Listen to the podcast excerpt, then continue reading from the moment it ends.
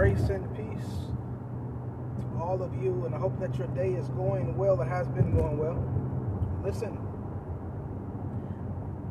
I'm excited not just for what God is doing in my life, but for what God is doing for you. I know you're you're you're you're saying you don't even know me, but you're excited about what God is doing in my life. That's just how big my faith is. My faith is wide enough and stretches enough to be excited not only for what God is doing in my life, but what God is doing in your life. God is intentional and strategic in everything that He does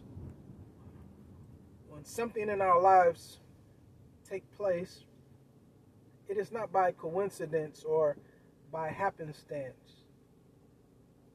When you look around your everyday environment, whether it is a social issue or political issue, something that's going on, one thing that one must understand is that God has a has it under control. He, knows exactly what is to take place. And, and that's why it is essential for us, or essential for those who believe, to know that God is in control and that we must trust Him no matter the circumstance.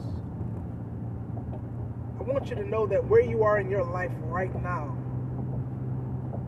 God has covered you and protected you to the point where you can rest assured that you're in the hands of God. Maybe you have not received Jesus Christ as your Lord and Savior, and you may not know that God intentionally sent his son for John 3:16 says for God so loved the world that he gave his only begotten Son, that whosoever believe in him will not perish, but have everlasting life. That when one comes to a conscious belief and a conscious belief in Jesus Christ, you now know that it was God's sovereignty and his plan to cover you and to keep you and to provide for you. It is essential for us to know that God does not make any mistakes. God knows where you are in life. And you may even be at a in a dark space in your life. What do I mean by a dark space? Dark space comes in a myriad of ways. Maybe you're going through a divorce Maybe you experience loss financially, or uh, maybe someone that you love that was close to you have passed away and you're in a moment of grieving. One thing that I really want you to know is that even in the midst of our dark moments, God is still there. That is why it is essential for believers and Christians to uh, to, to continually check their belief system and to make sure that in spite of whatever I'm going through, I still trust in God. Job said it like this though he slay me, yet will I trust him. That yes, we go through moments in life and seasons of life where it seems as if the sun will refuse to shine. It seems as what Murphy Law says that what could go wrong will go wrong. It seems as if we enter those moments, those seasons that cause us to ask those questions. God, do you care? God, are you concerned? God, are you there? If you were there, I wouldn't have to go through. If you were there, I would not have to bury my loved one. God, if you were there, I would not have lost my job. One thing that I'm that I know is that And I'm getting to Paul's writings to the Roman church in the eighth chapter, 26th verse, where he says, And we know all things work together for good to them that love God, to them who are the called according to his purpose.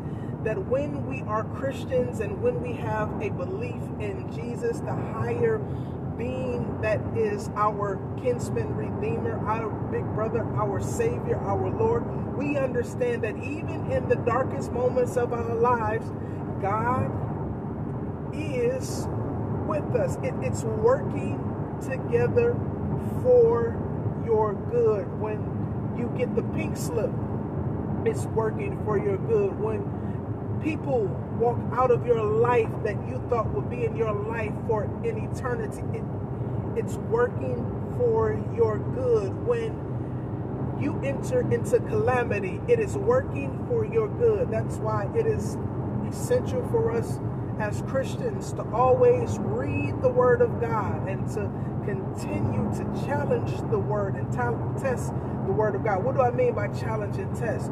I mean that when you read God's Word, like anything, try it out for yourself.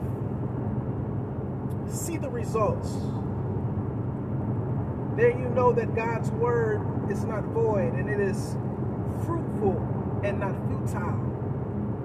And in your in, in your on your journey, begin to try the Word of God you will then begin to see that God's word is so true. God's word is so great. God's word poises to be what one need in order to make it through this life. There were so many moments in my life that I would have given gave up if it were not for the word of God. There were times in my life I probably would have thrown in the towel. I probably would have went in another direction. But it was the word of God that reminded me that I can overcome. That weapons will be formed, but they will not prosper. That, that's what it says in Isaiah 53. The, there are weapons that will form it is the word of God that reminds me that they that wait upon the Lord will renew their strength. They will, will mount up on wings as eagles. They will run and not get weary. They will walk and not faint. That if you persevere and if you continue to take one step at a time, if you continue to fight, even in dark moments, even when it seems as if you have nothing else to give, even when it seems as if you have nothing left in the tank. That if you continue to keep going, I tell you, I, I can tell you that there's 24 hours in the day. This 24 hours may not look like the next 24 hours. What am I what do I mean? 24 hours, you may wake up to a day that is just daunting. It is just it's the worst 24 hours. You receive bad news. You something ha- has taken place in your life to where it seems as though you're not going to recover. It's just a, a bad day. We, we have those 24 hours where it's just a bad day. But I tell you to hold on. Keep on, keep on fighting. God has a way of changing your your life. God, has a way of turning it around. That yes, we we today may be a bad day, but tomorrow just might be a good day. Keep on keeping on this journey. And as you overcome, and as God's hand proves to be evident in your life, and you have testimonies of how God has turned some things around in your life, I would challenge you to tell somebody. We call it a testimony. It is when God does something in your life that only God can do, and you have the bold witness to turn around and tell somebody what God has done, and therefore that person that was almost getting ready to give up now has the hope to continue because they now have a faith that was stirred up in them to keep on going. God has a way of working Keep on being blessed. I love you. Peace.